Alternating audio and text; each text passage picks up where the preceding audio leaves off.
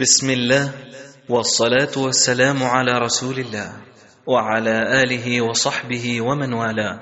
أما بعد فيسر إخوانكم في تسجيلات السلف الصالح للإنتاج الإعلامي والتوزيع بالإسكندرية. أن يقدموا لكم هذه المادة لفضيلة الشيخ مصطفى دياب. إن الحمد لله نحمده ونستعينه ونستغفره. ونعوذ بالله من شرور أنفسنا ومن سيئات أعمالنا. من يهده الله فلا مضل له ومن يضلل فلا هادي له.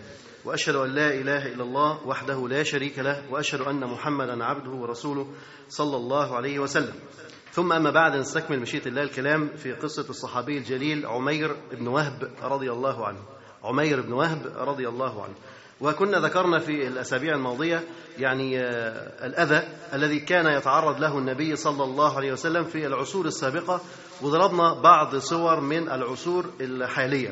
ولكننا لم نرد الإطالة في هذا الموضوع وممكن نبقى نرجع له مرة تانية بمشيئة الله وهو إظهار يعني أذية النبي عليه الصلاة والسلام على مر العصور. كيف كان أعداء الإسلام يؤذون الرسول صلى الله عليه وسلم قديما وحديثا. حتى في العصور الحديثة إلى يومنا هذا هناك من يؤذون النبي صلى الله عليه وسلم وهي صور متعددة نذكرها فيما بعد بمشيئة الله تبارك وتعالى. وعمير بن وهب كما ذكرنا كان من شياطين قريش. كان من شياطين قريش وكان يدعى بشيطان قريش. يعني هو كان مشهور إن هو إيه؟ إن هو شيطان قريش. وذلك لأنه كان من أكبر من يفكرون في الكيد للنبي صلى الله عليه وسلم وأذية الرسول صلى الله عليه وسلم وكان يتجسس على المسلمين وكان يرشد عليهم وكان سببا في مقتله عدد كبير من المسلمين. فعمير بن وهب الجماحي كان قبل ذلك وثنا كبيرا وطاغوتا عظيما من طواغيت قريش كانوا يعني يعكفون على محاربة النبي صلى الله عليه وسلم وعلى إيذاء الرسول صلى الله عليه وسلم ودارت معركة بدر. وعاد عمير بن وهب الجماحي من بدر ناجيا بنفسه لكنه خلف وراء ظهره ابنه وهبا أسيرا في أيدي المسلمين. انتهت معركة بدر ورجع عمير بن وهب سليم لكنه ترك ابنه أسير في هذه المعركة في أيدي المسلمين. وقد كان عمير يخشى أن يأخذ المسلمون الفتى بجريرة أبيه وأن يسوموه سوء العذاب جزاء ما كان ينزل برسول الله صلى الله عليه وسلم من الأذى ولقاء ما كان يلحق بأصحابه من النكال. الرجل ظن أن أصحاب النبي صلى الله عليه وسلم حينما أمسكوا بابنه فهم سوف يعذبون هذا الابن وسوف يسومونه سوء العذاب. لماذا فكر هذا التفكير؟ لأنه كان يعذب المسلمين وكان يؤذي أصحاب النبي صلى الله عليه وسلم. فكان بديهي إذا وقع ابنه في الأسر أن يعذب ابنه بنفس الطريقة وأن يشرب بنفس الطريقة. لكن هل يفعل ذلك النبي صلى الله عليه وسلم مع الأسرى؟ لا لم يفعل ذلك. لأن النبي صلى الله عليه وسلم كما ذكرنا سابقا كان يقول لإسلام رجل أحب إلي من قتل ألف رجل. إسلام رجل. عند النبي صلى الله عليه وسلم أفضل من أنه يقتل ألف رجل. يعني القضية عند الرسول عليه الصلاة والسلام ليست مسألة سفك دماء وإراقة دماء ولكن الرسول عليه الصلاة والسلام كان حريصا على أن يدخل أكبر عدد من الناس في دين الله تبارك وتعالى. كان النبي صلى الله عليه وسلم ملئه الحرص أن يتبع الناس دين ربهم تبارك وتعالى وأن يدخلوا في دين الله أفواجا. ولذلك كان يحسن معاملة الأسرى. كان يحسن معاملة الأسرى وكنا ذكرنا قبل ذلك أن ثمامة بن أثال لما قبض عليه وربما تأتي قصته مرة ثانية إن شاء الله لما قبض عليه فالنبي عليه الصلاة والسلام حبسه لكنه لم يحبسه في السجن ولا في حبس انفرادي ولكنه حبسه في سارية المسجد. ربطوا في عمود من عملية المسجد. ربطوا في عمود. لماذا ربطه في هذا العمود؟ حتى يرى معاملة النبي صلى الله عليه وسلم لأصحابه ويرى كذلك معاملة الأصحاب للرسول صلى الله عليه وسلم ويتعلم الآداب والأخلاق ويعرف شيء عن الإسلام وهو مضطر لذلك واقف في العمود بيسمع. يعني أنت مربوط في مكان غصب عنك بتسمع غصب عنك بتشوف. يعني رؤية إجبارية وسماع إجباري لكن لم يحمله النبي عليه الصلاة والسلام على شيء ولكن وضعه في هذا المكان جعله يسمع وجعله يرى بل وكان يأتي إليه النبي صلى الله عليه وسلم ويقدم له الطعام يعني يأتي النبي صلى الله عليه وسلم بخصوص طعامه من بيته ويقدمه لثمامة ابن أثال يعني ما كانش النبي صلى الله عليه وسلم بيجيب له طعام من بره لا ده كان بيجيب الطعام من بيته هو صلى الله عليه وسلم ويدفعه إلى ثمامة ابن أثال وبعد ذلك أسلم هذا الرجل لما رأى حسن معاملة النبي صلى الله عليه وسلم له. لم يجبره ولم يحمله على الإسلام ولم يكرهه أن يدخل دين الإسلام ولكنه كان في كل يوم يسأله يعني ما بك يا ثمامة؟ ما بك يا ثمامة؟ ما بتفكر في إيه؟ ناوي على إيه؟ رسيت على إيه؟ فكان الرجل يرد ردود قاسية وعنيفة. وكان يقول إن إن تقتل تقتل ذا دم وإن تعفو تعفو عن شاكر وإذا أردت المال أعطيناك. يعني لو كنت هتقتل فأنت هتقتل رجل يعني ذا دم له مكانة وله مهابة وممكن إن يترد يعني على هذا القتل. وإن كنت تريد المال أعطيناك منه. وإن كنت أنت بتعفو فعفوك هذا على رجل يعرف قيمة العفو ويعرف كيف يشكر فسوف تلقى جزاء ذلك. فكانت المعاملة معاملة مادية ولكن النبي عليه الصلاة والسلام لم يرتاح لهذه الإجابة. فتركه مرة واثنين وفي الثالثة قال أطلقوا ثمامة. أطلقوا ثمامة. فسابوا ثمامة ثمامة راح بعيد فاغتسل ورجع وأسلم. لماذا أسلم؟ لأنه رأى معاملة الرسول عليه الصلاة والسلام لأصحابه ورأى كل الخير في معاملة أصحاب النبي صلى الله عليه وسلم لنبيهم صلى الله عليه وسلم. فالرسول عليه الصلاة والسلام لم يكن ليسيء للأسرى ولكن أعداء الإسلام يظنون أنهم كما يفتكون بالمسلمين وكما يعذبون المسلمين فإن الواحد منهم إذا وقع في يد المسلم يظن أن المسلم سوف يعني يضربه ويسجنه ويشرده. لا بالعكس. هذا الرجل الكافر إذا أمسك بالمسلم فهو يعذبه لأنه حاقد على هذا المسلم. أما المسلم إذا أمسك بالكافر فإنك حريص على إدخاله في دين الله عز وجل. أنت حريص على تبليغه الدعوة والرسالة والدين. أنت حريص على إنقاذه من النار. فرق كبير جدا بين أن تكون عندك شفقة ورحمة على هذا الأسير الذي بين يديك وتود أن لو دخل في دين الله عز وجل وأن ينقذه الله عز وجل من النار بك. فرق كبير جدا بين حرصك الشديد على دخوله في دين الله وبين أن تكون حريصا على قتله وضربه والإساءة إليه. فظن عمير بن وهب أن المسلمين سوف يعني يتعبون ابنه وسوف يضربونه ويعذبونه جزاء ما كان يفعل بأصحاب الرسول صلى الله عليه وسلم. فكان عنده أسى وحزن لهذا. يقول وكان عمير وقد كان عمير يخشى أن يأخذ المسلمون الفتى بجريرة أبيه. ولا تزر وازرة وزر أخرى هذا الرجل كافر. ابنه موجود في الأسر. ممكن أن هذا الابن يسمع وينتبه ويعود إلى دين الله تبارك وتعالى. وأن يسموه سوء العذاب جزاء ما كان ينزل, ينزل برسول الله صلى الله عليه وسلم من الأذى ولقاء ما كان يلحق بأصحابه من النكال. وفي ذات ضحى توجه عمير إلى المسجد للطواف بالكعبة. في يوم خرج ليطوف بالكعبة.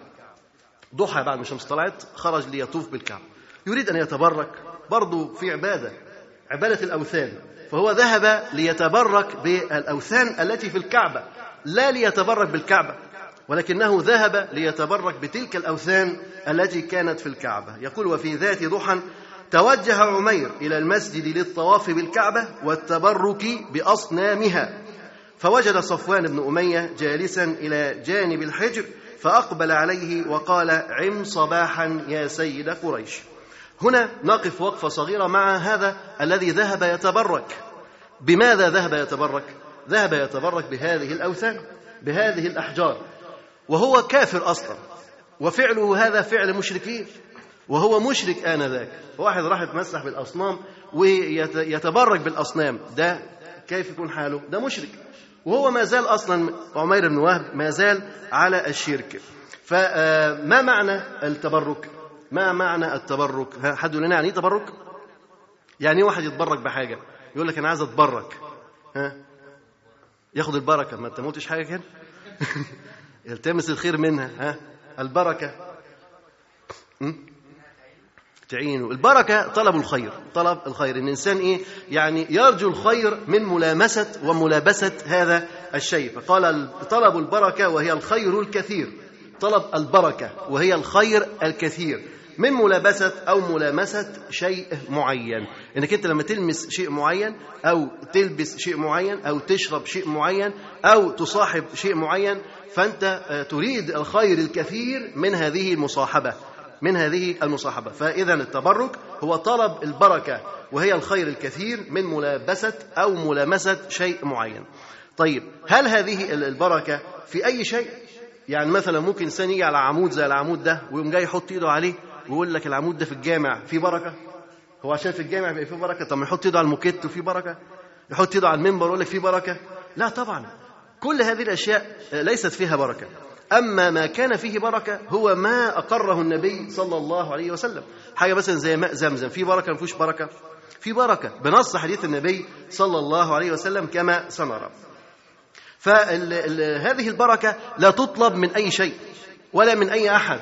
ولكن تطلب مما جعل الله عز وجل فيه البركة. يعني هل يجوز مثلا أن إحنا نتبرك بالنبي صلى الله عليه وسلم أو بآثار النبي صلى الله عليه وسلم أم لا؟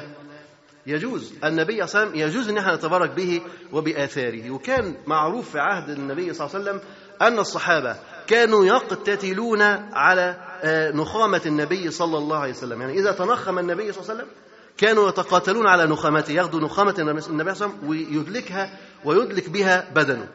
وهذا خاص بالرسول عليه الصلاة والسلام. كذلك عرق الرسول صلى الله عليه وسلم. كان يجمع في قارورة. كان أم المؤمنين تجمع عرق الرسول عليه الصلاة والسلام. وهو نايم كده هو كان يعرق يتصبب عرقا. فكانت تجمع عرق النبي عليه الصلاة والسلام في قارورة وكانت تتطيب بها وكانت تتبرك بها.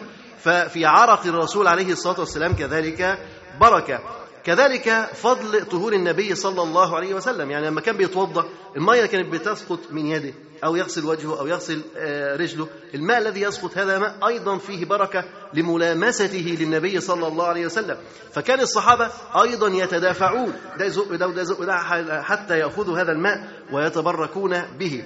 وكذلك أيضا شعر الرسول عليه الصلاة والسلام. فكان إذا حلق كان الصحابة يقتسمون شعره.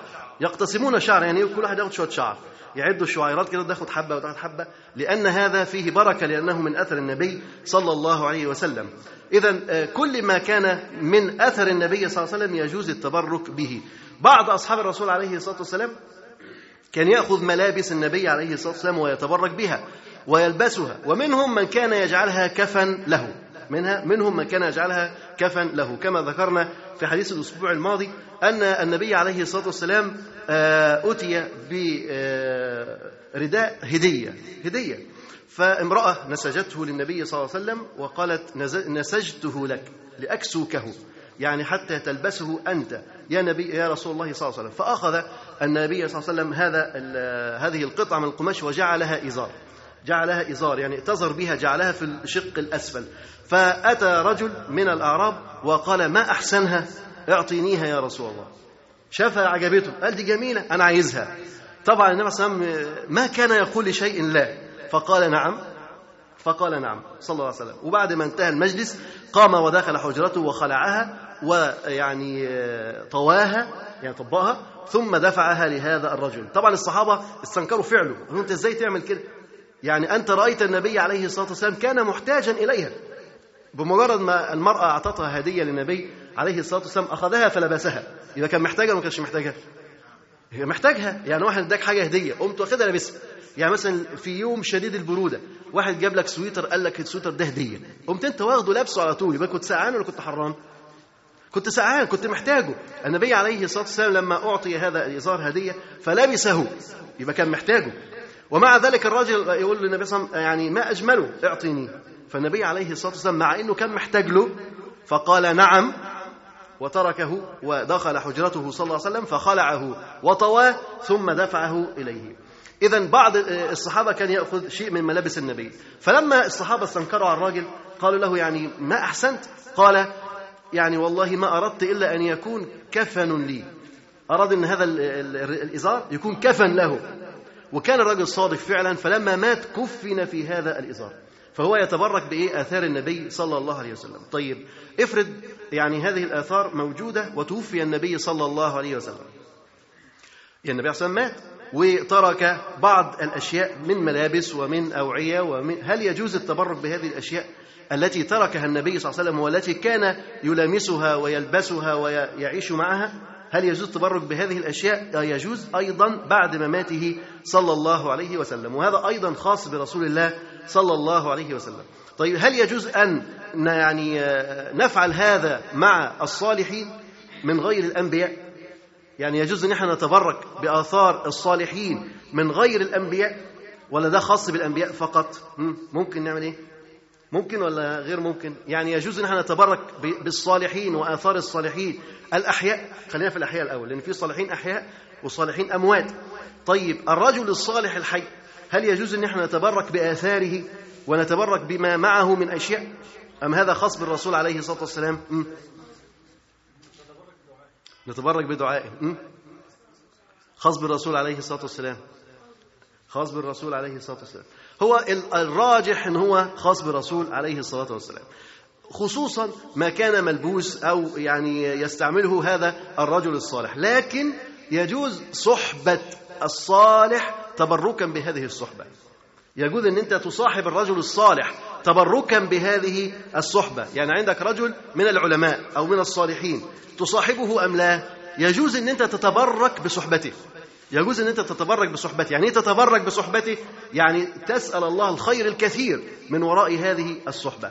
ترجو منفعة هذه الصحبة. يعني إيه منفعة هذه الصحبة؟ صحبتك لرجل من أهل العلم والصلاح لا تزيدك إلا تقوى وبر. سوف ترى هذا الرجل يقوم بأعمال بر كثيرة. تفتكر انت هتسيبه يعملها وانت قاعد ولا هتعمل زيه؟ هتعمل زيه. تجد مثلا كثير الذكر لله عز وجل تتعلم منه كيف تذكر الله سبحانه وتعالى. تجد مثلا رجل صوام قوام تتأدب بهذه الآداب وأنت معه في الطريق لا تعدم أن تسأله سؤال في دينك فينفعك أو تستفتيه فيفتيك. أو تقترح عليه شيء فيقول لك ما يراه ويكون فيه الخير والصواب. إذا مصاحبة أهل الخير والصلاح من الصالحين والتبرك بهذه الصحبة جائز لا حرج فيه. أما التبرك بآثارهم كثيابهم وآنيتهم وأوعيتهم فبعض العلماء يقول بجوازه ولكن الأرجح عدم جواز ذلك. الأرجح عدم جواز ذلك. إذا التبرك يكون بالنبي صلى الله عليه وسلم وبآثار الرسول صلى الله عليه وسلم ويجوز التبرك بالصالحين أنفسهم بصحبتهم ورفقتهم والعيش معهم والسكنى معهم والقرب منهم والتحرك معهم يجوز ذلك كله. طيب الصالحين الذين ماتوا هل يجوز أن نتبرك بهم؟ ها الصالحين بقى اللي ماتوا هل يجوز أن إحنا نتبرك بهم؟ لا يجوز التبرك بهم خلاص. دول ماتوا دول أفضوا إلى ما قدموا. دول يمكن محتاجين اللي يدعي لهم هؤلاء لا يتبرك بهم لا يتبرك بهم. طبعا وفي ناس كثيره جدا بتروح تتبرك بالصالحين في حسبانهم. يعني في ناس بتظن إن مثلا الضريح ده في راجل صالح. ايا كان بقى هذا الضريح ممكن يكون مجهول. ممكن يكون الضريح ده ما فيهوش حد. لكن هم فاهمين إن دوت ضريح سيدي فلان الفلاني فهم بيروحوا له. ويتبركوا بيه طب يتبركوا إزاي؟ يفضلوا يمسحوا في الحديد يفضلوا يمسحوا في الأعتاب يفضلوا يمسحوا في التابوت اللي محطوط طب وبعدين؟ من أين تأتي البركة؟ هذه الأشياء ليس فيها بركة. هذه الأشياء ليس فيها لا هؤلاء ماتوا. وأفضوا إلى ما قدموا. إن كان خير يحاسبهم الله عز وجل عليه أو شر يحاسبهم ويجازيهم لكن ليس لنا أن نذهب إليهم ونتمسح بهم ولا نطلب الخير والبركة من ملامسة آثارهم. لأن هذه الآثار ليس فيها بركة كما ذكر النبي صلى الله عليه وسلم. وممكن أن الإنسان يبقى جاهل ويروح يتمسح ويتبرك ده نتيجة جهله. نتيجة جهله. النبي عليه الصلاة والسلام كان معه جيش يزيد على الألف وهم يمرون بحنين وهم في اتجاههم إلى حنين. فقال بعض الذين أسلموا وكانوا حدثاء عهد بالإسلام مروا على شجرة تسمى ذات أنواط. وكانت للمشركين وكان المشركين بيعلقوا عليها السهام. يعني يعلق عليها سهمه ورمحه لماذا يعلق عليها السهم أو الرمح؟ يتبرك بهذه الشجرة. يقول لك أنا أعلق السيف على الشجرة عشان السيف ياخد بركة. أخد أنا السيف أضرب بيه يموت لوحده. على طول يبقى السيف قاتل شغال على طول لوحده. هم كانوا يتبركون بهذه الشجرة الكفار النبي صلى الله عليه وسلم عندما مر من عليها هو وأصحابه فحدثاء عهد بالإسلام قالوا للنبي صلى الله عليه وسلم يا رسول الله اجعل لنا ذات أنواط كما لهم ذات أنواط. يعني اجعل لنا شجرة نتبرك بها زي ما هم ليهم شجرة يتبركون بها. فالنبي عليه والسلام قال الله أكبر إنها السنن. الله أكبر ده تنزيه لله سبحانه وتعالى. وكان من عادة الرسول صلى الله عليه وسلم أنه إذا تعجب من شيء كبر أو سبح. كان لما يتعجب يقول سبحان الله أو يقول الله أكبر. فهنا النبي عليه الصلاة والسلام تعجب من قولهم فقال الله أكبر إنها السنن إنها السنن. قلتم والذي نفسي بيده كما قالت بنو إسرائيل لموسى اجعل لنا إلها كما لهم آلهة. طب كلمة بنو إسرائيل دي, دي كلمة كفر أم لا؟ بيقولوا اجعل لنا إلها كما لهم آلهة. كلمة كفر والعياذ بالله. وأيضا اجعل لنا ذات أنواط كما لهم ذات أنواط هي كلمة فيها شرك. ولكن النبي عليه الصلاة والسلام لأنهم كانوا حدثاء عهد بالإسلام لم يكفرهم ولم يجعلهم مشركين ولكن زجرهم ونهرهم وشبه فعلهم بفعل بني إسرائيل. فقال قلتم والذي نفسي بيده كما قالت بنو إسرائيل لموسى اجعل لنا إلها كما لهم إله. فإذا لا يجوز أن إحنا نتبرك بالميتين ولا بآثار الميتين ولكن يجوز أن إحنا نتبرك بمصحبة الرجل الصالح. ودعاء الرجل الصالح أيضا نتبرك به. يجوز ذلك أيضا. لكن غير ذلك لا يجوز في دين الله تبارك وتعالى. فكان هذا الرجل يذهب إلى الكعبة ويتبرك بأصنامها. ويتبرك بأصنامها. وبعد ما تبرك بالأصنام وجد سفيان وجد صفوان بن أمية جالسا في جانب الحجر. فأقبل عليه وقال عم صباحا يا سيد قريش. فقال عم صباحا يا سيد قريش. يعني إيه عم صباحا؟ بيقول له صباح الخير. حلوة والله حاجة زي كده. بيقول له صباح الخير. بيقول له حاجة زي كده. بيقول له عم صباحا. يعني صباحك حسن صباحك طيب. أو أنعم صباحا. أو هذا الصباح صباح ندي بالنسبة لك. وزي ما بيقولوا عندنا هنا هو صباح الخير. يبقى دي كانت من تحية المشركين. عم صباحا هذه أو صباح الخير دي ليست بتحية المسلمين ولكنها من تحية غير المسلمين.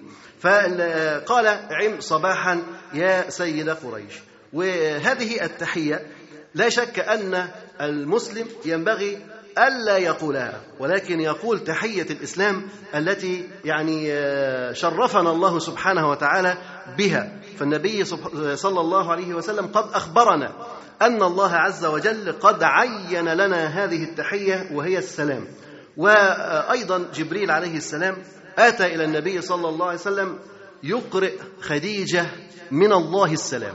يقرئ خديجة رضي الله عنها من الله السلام. إذا فالسلام هو تحية المسلمين. وقال عز وجل وإذا حييتم بتحية فحيوا بأحسن منها أو ردوها. إن الله كان على كل شيء حسيبا. فهذه يقول إن وإذا حييتم بتحية. وإذا حييتم بتحية يعني بأي تحية سواء كانت تحية جهلة أو تحية أي تحية كانت. وإذا حييتم بتحية فحيوا بأحسن منها. لا أنت ترد هذه التحية كما هي ولكن تردها بأحسن منها. افرض هو قال لك تحية فيها مخالفة شرعية تقول مثله؟ لا لا تقول مثله ولكن أنت تقول تحية أفضل من تحيته التي قالها. يقول وأعلى أنواع التحية ما ورد به الشرع. من السلام ابتداء. أعلى أنواع التحية إنك أنت تبدأ بالسلام إنك أنت تقول إيه؟ السلام عليكم ورحمة الله. يقول فأمر تعالى المؤمنين أنهم إذا حيوا بأي تحية كانت أن يردوها بأحسن منها لفظا وبشاشة لفظا وبشاشة. يعني افرض واحد مثلا حياك بتحية يعني ليس فيها منافاة لشرع الإسلام. ليس فيها منافاة ولكن قال لك تحية مقبولة. فهل أنت ترد عليه نفس التحية أم ترد عليه تحية أفضل؟ الصواب أنك ترد عليه تحية أفضل أفضل من حيث اللفظ وأفضل من حيث البشاشة. يعني واحد مثلا قال لك صباح الخير أنت تقول له صباح النور ما دي أحسن برضه ده خير وده نور. لا أنت ما تقولش صباح النور أنت ترد عليه بتحية أفضل. أول حاجة تبش في وجهي تبش في وجهي مش تكشر في وجهه وتقول له صباح الخير إيه إحنا كفار ولا إيه؟ لا. لا لا تفعل هذا ولكن تبش في وجهه وتذكره أن تحيتنا هي السلام. قل له يا رجل قل السلام عليكم. وعليكم السلام ورحمة الله وبركاته. يبقى أنت قلت السلام وأنت اللي رديت السلام. مفيش مشكلة. بس المهم إنك أنت تذكره بأن هناك تحية أفضل وتقولها له وترد أنت هذه التحية مع البشاشة مع البشاشة. وهذه هي الايه الأفضلية. إنك أنت رديت تحية أفضل في لفظها وأفضل كذلك في بشاشتها. أو مثلها لو كانت تحية تحية إسلامية قال لك السلام عليكم ممكن تقول وعليكم السلام. فممكن تردها بمثلها. ويؤخذ من الآية الكريمة الحث على ابتداء السلام والتحية من وجهين. أولا هذه الآية فيها فائدة. إن الآية فيها الحث على إطلاق السلام والحث على ابتداء الإنسان بالسلام لأن الله سبحانه وتعالى أمر بردها بأحسن منها أو مثلها. طالما أمر بردها يبقى هي مأمور بيها أم لا؟ ربنا أمرك برد السلام. يبقى السلام أصلا مأمور بيه أم لا؟ يبقى السلام مأمور بيه. فالأفضل أنك أنت تبدأ الناس بالسلام. إنك أنت تبدأ بالناس بالسلام. وكان النبي عليه الصلاة والسلام يقول ألا أدلكم على شيء؟ إذا فعلتموه تحاببتم أفشوا السلام بينكم. أفشوا السلام بينكم. يعني كل ما تلاقي حد تقول له إيه السلام عليكم السلام عليكم. طبعا اللي يعني بقدر ما تستطيع. طبعا الناس كترت النهارده والبشرية بقت كتيرة جدا. فانت لو قعدت تسلم على كل واحد في الشارع يعني ممكن ما تقدرش تمشي. فانت بقدر المستطاع تحاول انك انت يعني كل من تقع عينك عليه انك انت يعني تبادئه بالسلام فذلك خير. طيب هل هذا السلام السلام عليكم تقال في كل حال أم هناك بعض الأحوال يستثنى منها؟ قالوا انه يستثنى بعض الأحوال. زي مثلا واحد مشغول بقراءة القرآن وأنت شايفه مثلا بيقرأ القرآن هل الأفضل إنك تسلم عليه ولا تسيبه؟ لا تسيبه. تسيبه مشغول هو بقراءة القرآن. كذلك واحد مثلا بيستمع لخطبة الجمعة. تدخل أنت في الجامع السلام عليكم. الجامع كله هيرد عليك ولا إيه؟ تخيل كده إن الإمام على المنبر واحد لسه داخل متأخر حضرته وجاي في آخر الصف يقول السلام عليكم. يبقى عايز الجامع كله يرد عليه. صعب جدا. ده ما يتردش عليه. وكان الصواب إنه ما يرد ما يقولش السلام. الصواب إنه ما كانش يقول السلام. لأنه في خط طب أنت مثلا افرض واحد في دورة المياه يقضي حاجته. ينفع واحد بره يسلم عليه يقول له السلام عليكم؟ برضه دوت ما يقولش السلام لأن اللي جوه مش راح يقدر يرد السلام. فهذه حالات يستثنى فيها إلقاء السلام. طيب المبادئه بالسلام إنك أنت تبدأ. لا شك إن البدء بالسلام أفضل بكتير جدا. وكان أبو أمامة رضي الله عنه كان حريصا على البدء بالسلام وما كان يتخلف عن البدء بالسلام. فكان أبو أمامة يسلم على كل من لقيه. يقول فما علمت احدا سبقه بالسلام إلا يهوديا مرة. أبو أمامة ما حدش كان بيسبقه بالبدء بالسلام إلا واحد يهودي سبقه مرة. الواحد اليهودي ده عمل إيه؟ طبعا كل شوية يشوف أبو أمامة أول ما يقابل حد أبو أمامة يبادئ بالسلام. السلام عليكم السلام عليكم. فاليهودي أدرك أن هذه التحية فيها خير. فماذا يفعل؟ يريد أن يحصل هذا الخير. هو يهودي ويريد أن يحصل هذا الخير. فاختبأ لأبي أمامة خلف سارية أسطوانة في الجامع عمود. يعني زي عمود النخل استخبى وراه. وأبو أمامة داخل مش شايفه فاليهودي أن طلع وقال السلام عليكم. فطبعا اليهودي كده بدأ بالسلام. طيب هل يجوز إن إحنا نرد عليه السلام لو هو بدأ بالسلام؟ هذا اليهودي هو قال السلام عليكم. ها نرد عليه ولا لا؟ نرد عليه وعليكم. نقول له وعليكم. ما نقولش وعليكم السلام ورحمة الله وبركاته لكن نقول له إيه؟ نقول له وعليكم. طيب هل يجوز لو أنت أنت راجل مسلم هل يجوز إنك أنت تبدأ الكفار أو المشركين بسلام؟ لا نهى النبي عليه الصلاة والسلام عن بدء أو مبادئة أهل الكتاب أو أهل الذمة بالسلام. ما تبدأهمش أنت بالسلام ولكن هو اللي يبدأك بالسلام. هو الذي يبدأ بالسلام. أيضا النبي صلى الله عليه وسلم يقول من حديث أمامة جعل الله السلام تحية لأمتنا وأمنا لأهل ذمتنا. جعل الله عز وجل السلام تحية لهذه الأمة. إذا فالسلام هذا مشروع وأمر به ربنا سبحانه وتعالى. وعن أبي داود من حديث عمران بن حسين يقول كنا نقول في الجاهلية أنعم بك عينا أو عم صباحا. فلما جاء الإسلام نهينا عن ذلك. يعني كانوا قبل كده في الجاهلية المسلمين كانوا بيقولوا أنعم وكانوا بيقولوا عم صباحا. ولكن لما أتى الإسلام وأتت التحية الجديدة فأصبحوا يعني لا يقولون إلا السلام عليكم ورحمة الله. وذكر الإمام البخاري في الأدب المفرد بسند صحيح عن ابن عمر قال إذا سلمت فأسمع فإنها تحية من عند الله. إذا سلمت فأسمع فإنها تحية من عند الله. يعني لو أنت سلمت على ناس قاعدين تسلم في سرك تقول السلام عليكم حد يسمعك؟ ولا تسمع الناس اللي قاعدين؟ سمع الناس اللي قاعدين. طب سمع الناس اللي قاعدين يعني تجيب ميكروفون وتقوم جاي تقول لا لازم لازم أسلم عليهم في الميكروفون. تقوم جاي داخل لغاية الميكروفون وتسلم عليهم. لا خلاص أنت أسمع. يعني سمع الناس بحيث إن حد يقدر يرد عليك السلام. لكن ما توشوش نفسك. أنت داخل من باب الجامع تقول السلام عليكم. أنت داخل مقابر. داخل هتسلم على ناس هتسمع وتعلي صوتك في بما تقول. فكان يقول الحديث إذا سلمت فأسمع. فإنها تحية من عند الله. قال الإمام النووي أقله أن يرفع صوته بحيث يسمع المسلم عليه. أقل أقل صوت إنك أنت تسمع اللي أنت بتسلم عليه. ده أقل صوت. طيب هل الإنسان مثلا يرفع صوته جدا ويبقى يزعج لا لا يفعل ذلك. لكن النبي عليه الصلاة والسلام كان يرفع صوته بحيث يسمع اليقظان ولا يوقظ النائم. يسمع اليقظان ولا يوقظ النائم. افرض مثلا أنت دخلت البيت أو دخلت مكان فيه ناس نايمين مثلا ناس نايمين في الاعتكاف ناس نايمة وناس صاحية هل تسلم بصوت مرتفع بحيث إنك أنت تزعج الناس اللي نايمين ويقوموا منطورين منهم ويقولوا إيه اللي حصل فيه؟ لا أنت تسلم بصوت تسمع الصاحيين وما تزعجش النايمين. انظر لحلم النبي عليه الصلاة والسلام وكيف كان يتعامل صلى الله عليه وسلم فكان صلى الله عليه وسلم يجيء من الليل. فيسلم تسليما لا يوقظ نائما ويسمع اليقظان. ما ما يصحيش النايم وفي نفس الوقت إيه؟ كان يسمع الإنسان اللي هو يعني صاحي. وطبعا أبو هريرة رضي الله عنه يذكر نهي النبي صلى الله عليه وسلم عن ابتداء الكفار بالتحية والسلام. فقال هذا الرجل عم صباحا. طبعا كما ذكرنا إن اذا تحية الإسلام إن أنت إيه يعني إيه تقول السلام عليكم ورحمة الله وبركاته. وكان هذا يعني مما علمه ربنا عز وجل لآدم عليه السلام.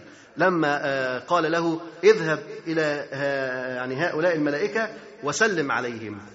فإن هذه تحية أمتك. يعني الرد دوت والسلام ده هو تحية هذه الأمة. فذهب آدم عليه السلام وسلم على الملائكة قال السلام عليكم فقالوا وعليكم السلام ورحمة الله. فهذه تحية شرعها لنا ربنا سبحانه وتعالى فلا ينبغي لنا أن ننحرف عنها.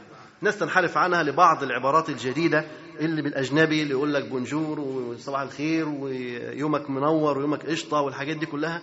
لا, لا داعي لهذه الأشياء ولكن الإنسان يعني يسلم كما علمه النبي صلى الله عليه وسلم يقول السلام عليكم ورحمة الله وبركاته.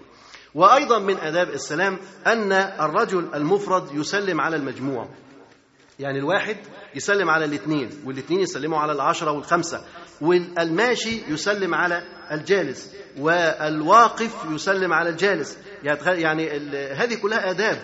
انت مثلا بتمر وفي ناس قاعدة مين اللي يسلم على مين؟ اللي ماشي ولا اللي قاعد؟ اللي ماشي اللي ماشي هو اللي يسلم على اللي قاعد. طب انت واقف وناس قاعدة مين اللي يسلم على مين؟ اللي قاعد ولا اللي واقف؟ اللي واقف يسلم على الجالس.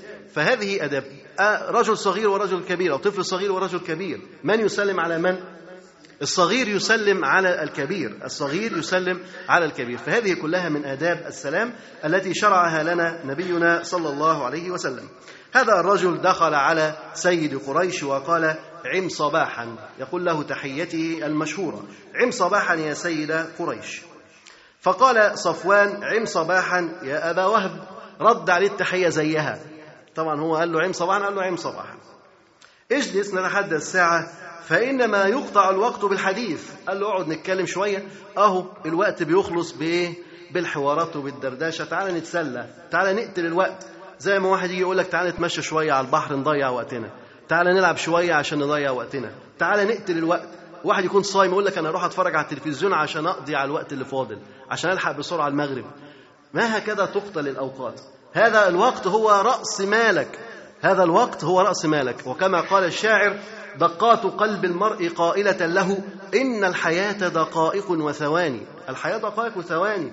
أنت تضيعها أنت تضيع جزء من حياتك. فالإنسان يجب عليه أن يحافظ على وقته. كما كان يفعل النبي صلى الله عليه وسلم وكما يفعل العلماء والصحابة والتابعين من بعدهم. وهذا الحسن البصري رضي الله عنه عندما يقول له رجل قف أكلمك يا إمام. فقال له أوقف الشمس. يعني إن أردت أن تكلمني أوقف الشمس. لا تجعلها تتحرك لا تجعل الزمان يمر لا تجعل الأيام تمر حتى أستطيع أن أكلمك. لأن العمر إذا مر كيف يرده وكيف يجعله يرجع من جديد. يومك الذي مر هل تستطيع أن ترده؟ لا تستطيع. أمس الذي مر على قربه يعجز أهل الأرض عن رده. أمس أمس الذي مر على قربه مع أنه قريب جدا يعجز أهل الأرض عن رده. ما حدش يقدر يرجع امبارح. حدش يقدر يرجعه. إذا اليوم الذي يمضي منك كيف تضيعه؟ كيف تفرط فيه؟ يجب عليك ألا تضيعه وألا تفرط فيه ولكن الإنسان يشغل وقته بطاعة الله سبحانه وتعالى. وكان الإمام الطبري رحمه الله يقول لتلاميذه تنشطون لتفسير القرآن فقالوا في كم يا إمام؟ قال في ثلاثين ألف صفحة. ثلاثين ألف صفحة بس. هيفسر القرآن في ثلاثين ألف صفحة. فقالوا هذا ما تنفذ الأعمار قبل تمامه يعني ده إحنا هنموت وما نكونش لسه خلصنا الثلاثين ألف صفحة دول. فقال إن لله ماتت الهمم.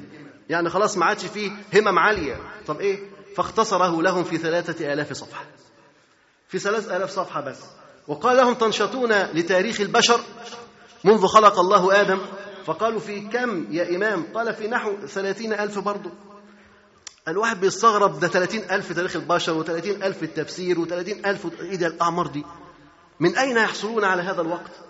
ما هذه البركة؟ أنت النهاردة تفتح كتاب صغير كتاب زي رياض الصالحين عشان تخلصه مش عايز يخلص.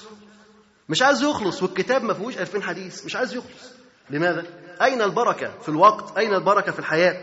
هؤلاء كانت عندهم بركة عظيمة لأنهم كانوا يستفيدون من أوقاتهم. تجد الإمام منهم عنده في اليوم أكثر من 15 درس أو 20 درس يعطي هذه الدروس متوالية متصلة. متى كان يحضر هذه الدروس ويعد لها؟ وكيف كان يعطيها؟ وكيف كان يستريح من عناء هذه الدروس؟ كيف؟ لا لا تدرك ذلك. لكنها بركة. جعلها الله عز وجل في هؤلاء المخلصين الذين عملوا لدين الله تبارك وتعالى. فالوقت لا ينبغي عليك أن تضيعه لأن الوقت كما ذكرنا هو رأس مال الإنسان. وهل الوقت هذا كالوعاء؟ الوقت كالوعاء. أنت تملأه بما تشاء إما تملأه بأشياء ثمينة أو تملأه بأشياء حقيرة لا قيمة لها. الوقت كالوعاء. كلنا معنا أوعية. ما أحد خالي من الوعاء. كلنا معنا أوعية. لكن من منا يملأ وعاءه بما ينفع كل واحد مننا معاه وعاء. مين بيملاه بالنافع؟ تبص تلاقي واحد بيملاه بال PlayStation واحد بيملاه بالقعاد على ال games واحد بيملاه بالمشي على الشواطئ واحد بيملاه على كذا وكذا وكذا. ويقضي الأوقات وتضيع تضيع الأعمار وتضيع الأوقات هو ده وقته. وهو دوت اللي ملاه في وعائه يوم القيامة عندما يسأل عن هذا العمر كيف سيقول؟ لا تزول قدم عبد يوم القيامة حتى يسأل عن عمره فيما أفناه. عمرك هذا ساعات حياتك كيف قضيت عليها وكيف دمرتها وكيف أنفقتها. عندما تنظر إلى هذه الساعات التي مرت ستسأل عنها كل دقيقة ستسأل عنها كيف فرطت فيها وكيف ضيعتها. المسلم يجب عليه أن يحافظ على وقته. وهناك برامج عديدة للحفاظ على الوقت نحاول إن شاء الله في مرة قادمة يعني نجهز فيها بحث الإخوة برضو إيه يعني نتلوه عليها بإذن الله. لكن المهم هذا الرجل أراد أن هو يضيع الوقت يضيع الوقت. كما يفعل كثير من جهال عصرنا يريدون أن يضيعوا أوقاتهم يضيعوا رؤوس أموالهم. تخيل أن وقتك دوت بدولارات أو بريالات. كنت هتضيعه كان ممكن إنك تضيعه؟ لو كل دقيقة في حياتك لها ثمن. كان ممكن تضيعها؟ لكنك تضيع الأوقات لأنها لا ثمن لها عندك. حياتك لا قيمة لها. حياتك ليس لها ثمن ولذلك أنت تضيعها تفرط فيها. لكن لو دقائق حياتك لها معنى لو دقائق حياتك لها ثمن لو أنك شخصية منتجة مثمرة في واقعك وفي حياتك لا يمكن كنت تفرط في هذا الوقت. كنت تدرك أن كل دقيقة تمر ينبغي أن تستغل في طاعة الله سبحانه وتعالى وأن تربح فيها تجارة رابحة مع الله سبحانه وتعالى.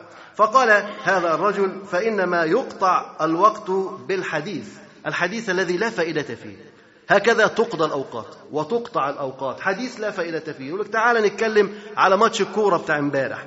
لا على البطولة اللي بتاعت أول امبارح لا على المصارعة اللي حصلت مش فاهم. وتعالى نشوف مين عمل إيه. وغيره بقى اللي يقعد يتفرج على الأفلام واللي يسمع المسلسلات واللي يحكي قصص المغنيين والمغنيات ويقرأ تاريخ الممثلين والممثلات.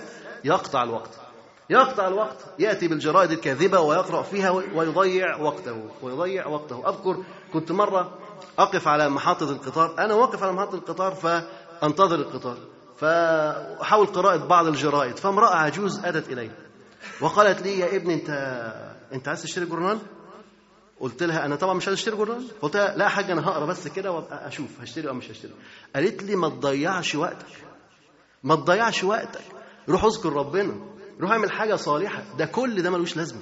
وهي ست عجوزة خلاص قول عندها 80 سنة 85 سنة. قلت سبحان الله. هذه المرأة تعرف قيمة الوقت. تعرف قيمة الوقت. يقول لك ما تقراش. الكلام ده كذب. الكلام ده تضييع للوقت. لا تضيع وقتك في هذا الهراء. اذا فالعبد لابد إن هو ينتهز وقته. ويستفيد من وقته لأنه إذا فات لا يستطيع أن يرده ولا أن يضيعه. قبل ما تشرح في حديث وتتكلم مع الناس اسأل نفسك الحديث ده ما قيمته؟ ما الفائدة العائدة من وراء هذا الحديث؟ هل نحن نتناقش في مسألة شرعية؟ هل نحن نعين بعضنا بعض على طاعة الله عز وجل؟ هل أنا أنفعك في دينك أو أنفعك في دنياك؟ لو كان شيء فيه نفع فلا بأس به. أما أشياء لا نفع فيها ونضيع وقتنا أنا أضيع وقتك وأنت تضيع وقتي لا تفعل. بعض الإخوة الأحباب يزورون بعضهم. يقول والله أنا كنت متضايق قلت آجي افرج عن نفسي شوية أفرج عن نفسي شوية واضيع معاك الوقت. طب أنت عايز تضيع وقتك؟ أنا مش عايز أضيع وقتي. لماذا تقتل وقتي معك؟ أنت مفرط وتريد أن تقتل وقتك. لماذا تقتل وقتي معك؟ اذا لا ينبغي أن نفتح أبوابنا ولا صدورنا لهؤلاء الذين يضيعون الأوقات. وإنما نرشد نرشدهم إلى العمل الصالح النافع. نقول له طب تعالى ادخل بقى نراجع مع بعضنا ربع من القرآن. طب اقعد بقى نقرأ شوية من أحاديث الرسول عليه الصلاة والسلام. هو جاي يقتل وقته. إحنا هنخليه يستثمر وقته. هل نخليه ينتفع. جاي يضيع معانا ساعة. ماشي ممكن نفتح الكمبيوتر ونسمع شريط مثلا نسمع محاضرة نسمع ندوة. نرى شيء نافع. يبقى نحول هذا الوقت الذي كان من المفترض أن يكون وقت مهدور لا نحوله إلى وقت نافع. أنا انتفعت به وأنت أيضا تنتفع بهذا الوقت. فالمسلم ينبغي أن يكون حرصه أكيد على وقته لا يضيعه ولا يفرط فيه. أما هؤلاء الكفرة فليس عندهم ما يهتمون به أوقات يقتلونها. فقال له فإنما يقطع الوقت بالحديث. فجلس عمير بإزاء صفوان بن أمية. يعني مأيده في الكلام. يلا بينا نضيع وقتنا. وطفق الرجلان يتذاكران بدرا ها هيعملوا إيه بقى؟ قعدوا يفتكروا الماضي. بدر واللي حصل في بدر وقتلونا وضربونا وده ضربني وده ضربني. هو هيعملوا كده. ماذا يقولون؟ فيتذاكران بدرا ومصابها العظيم. ويعددان الأسرى الذين وقعوا في أيدي محمد صلى الله عليه وسلم وأصحابه ويتفجعان على عظماء قريش ممن قتلهم أو ممن قتلتهم سيوف المسلمين وغيبهم القليب في أعماقه. فتنهد صفوان بن أمية. غيبهم القليب في أعماقه. هؤلاء الذين ماتوا بعد ما انتهت الحرب حفر لهم النبي عليه الصلاة والسلام حفرة عميقة ثم دفعوا في هذه الحفرة ودفنوا. هذا يكون شأن الكفار. لما يموتوا حفر لهم أي حفرة في الأرض ويترمي فيها. يعني كالبهيمة كالحيوان كأي شيء يدفن فيها حتى لا يؤذي المسلمين بعفنه ونتنه الذي سيكون منه فيرمى في هذا القليب الذي حواهم. فطبعا قعدوا يتأسفهم ويتحسرهم على هؤلاء الذين ماتوا وسقطوا في القليب. فتنهد صفوان بن أمية وقال ليس والله في العيش خير بعدهم. رجل عنده وفاء خالص. قال والله ما في فايدة في الدنيا بعدهم. الحياة ملهاش لازمة. خلاص الحلو راح وفضل المر. قاعد بقى يتنهد وقاعد إيه يتألم ويتأسى على الأيام اللي فاتت. يعني واحد كان مرافق صديق طيب حبيب إليه مات الصديق دوت لك خلاص ما عادش في الدنيا حاجة كويسة. أنا خلاص مستني الرحيل. قاعد بقى ندمان على الأيام اللي جاية. شايف إن لا طعم لها لا مذاق لها بدون هؤلاء الصحبة أو هذه الصحبة التي فارقوها. طبعا ده وفاء. ده نوع من الوفاء بين هؤلاء الجهال. إن حتى الإنسان مهما كان كافر لما يصاحب كافر زيه ويفقده بتبص ليه حزين عليه ومتأسف لفراقه يقول لك والله الحياة ملهاش لازمة من غيره. آه عشان هو كافر الحياة ملهاش لازمة من غيره. لكن المسلم الحياة لها لازمة. الحياة لها لازمة. بيك ومن غيرك لها لازمة. يعني إيه؟ يعني لو أنك تصاحب وترافق رجل حبيب إليك طيب صالح مات. ماذا أفعل أنا؟ أرتد؟ أرجع؟ لا لا تفعل. ولكن أنت لك مهمة أنت لك سبيل أنت لك طريق أنت تريد أن تصل إلى الله سبحانه وتعالى. هو كان يرافقك في هذا الطريق. مات سقط. أحيانا تسير أنت ورجل. ثم يفتن ويترك التزامه. ويترك الالتزام. ماذا تفعل أنت؟ ترجع. ترجع الطريق مرة ثانية. تترك التزامك وتترك دينك من أجله. لا لا ينبغي هذا. أنت لك طريق واضح. أنت هدفك محدد وهو مرضاة الله سبحانه وتعالى أنت ترافق الناس حتى تصل أنت وهم إلى الجنة. سقطوا في الطريق لم يسقطوا في الطريق فأنت تسير في هذا الطريق. هذه قضية مهمة جدا. أحيانا نجد بعض الشباب خمسة ستة عشرة يجتمعون معا على طاعة الله ويدخلون المسجد ويصلون ثم واحد منهم يرتد وينحرف ويرجع عن الالتزام مرة ثانية. فماذا يفعل؟ يجر هؤلاء معه وهم يرجعون معه. ويسموه وفاء. ليس هذا بالوفاء. ليس هذا بالوفاء. ولكنها خيانة. هي خيانة. لأن الناس عرفوا طريق الحق. عندما أخذهم من هذا الطريق وأجعلهم مرة ثانية في طريق الضلال والضياع فلا شك أنها خيانة. المسلم يجب عليه أن يثبت على طريقه على الطريق الموصل إلى الله سبحانه وتعالى سواء كان في الطريق رفيق أم لم يكن في هذا الطريق رفيق. سواء كان في رفيق وصاحب يأخذ بيدك ويسير في هذا الطريق فبها ونعمة وإن لم يكن هناك رفيق أسير وحدي أم لا؟ سير وحدك. النبي عليه الصلاة والسلام كان يقول عن أبي ذر يرحم الله أبا ذر يمشي وحده ويعيش وحده ويموت وحده ويبعث يوم القيامة وحده. رجل يعيش في غربة. يذكر النبي عليه الصلاة والسلام من حاله أن هذا الرجل سيأتي عليه زمان وكأنه هو الوحيد. يمشي وحده في صحراء لا شيء فيها بدون ونيس بدون أنيس ومع ذلك اتجاهه إلى الله سبحانه وتعالى. يعيش وحده ويمشي وحده ويموت وحده ويبعث كذلك يوم القيامة وحده. الإنسان مهما كان وحيد فريد لابد أن يسلك طريق الله سبحانه وتعالى. ما يقولش ما فيش حد بيساعدني ما فيش حد معايا. أنت تريد وجه الله عز وجل؟ أنت عرفت الطريق؟ فالزم. إلزم غرز النبي. صلى الله عليه وسلم ولا تحيد عنه سواء كان معك رفيق أو لم يكن معك رفيق. هؤلاء عندما يفقدون الرفقاء والأصدقاء يقولون لا قيمة للحياة لا قيمة للحياة. منهم من ينتحر ومنهم من يفعل. وأنا أظن أن هذا وفاء كاذب. هذا وفاء كاذب لأن سرعان ما يدفن الميت وبعدها وهم على قبره يشربون الدخان ويفعلون كذا وكذا ويتقاسمون ورثه ويفعلون أعظم مما كانوا يفعلون من الفواحش والمنكرات وينسون هذا الذي كان رفيقا لهم. الأخلاء يومئذ بعضهم لبعض عدو إلا المتقين. فيوم القيامة كل صديق يتخلى ويتبرأ من صديقه. كل صديق يوم القيامة يتبرأ من صديقه. يقول لك لا لا لا ده الصديق. الأخلاء يومئذ بعضهم لبعض عدو. عداوة بين هذه الصداقة التي لم تبنى على مرضاة الله سبحانه وتعالى إلا المتقين. المتقين فقط. هم الذين بينهم الصداقة الحقيقية. هم بينهم الإخاء بينهم المودة بينهم الحب بينهم الرفق بينهم الود بينهم الألفة والرحمة والتراحم بين هؤلاء. الذين تحابوا في الله سبحانه وتعالى. هؤلاء الذين صاروا في طريق واحد يحبون بعضهم البعض لله سبحانه وتعالى هم على منابر من نور يوم القيامة. يغبطهم النبيون والشهداء. يغبطهم النبيون والشهداء على هذه المنازل. والله عز وجل يقول أين المتحابون بجلالي؟ اليوم أظلهم في ظلي يوم لا ظل إلا ظلي. انظر إذا فالحب في الله الرفقة والصحبة والإخاء في الله سبحانه وتعالى أعظم بكثير من الإخاء لأجل الوطن أو لأجل العشيرة أو لأجل القبيلة. ولكن الإخاء يكون لله سبحانه وتعالى والصداقة والزمالة والمحبة والمودة تكون لله سبحانه وتعالى ويوم يعض الظالم على يديه على يديه. يقول يا ليتني اتخذت مع الرسول سبيلا. يا ويلتى ليتني لم أتخذ فلانا خليلا. لقد أضلني عن الذكر بعد إذ جاءني وكان الشيطان للإنسان خذولا. انظر إلى هذا المشهد الرهيب رهيب يوم القيامة تبرؤ ويوم يعض الظالم الذي ظلم نفسه بانحرافه عن أمر الله وشرع الله ويوم يعض الظالم على يديه الإنسان لما يندم يعض صوبع مش كده؟ واحد لما يندم يقوم إيه؟ يحط صوبع بقه كده ندما وتحسرا على ما حدث منه. لكن يوم القيامة من شدة الندم لا يعض على إصبع واحد ولكن يعض على يديه تخيل واحد بيعض على عشر صوابع ما وحش مش واحد يقول لي بقى بقه قد إيه شيل إيدك من بقك. مش كده؟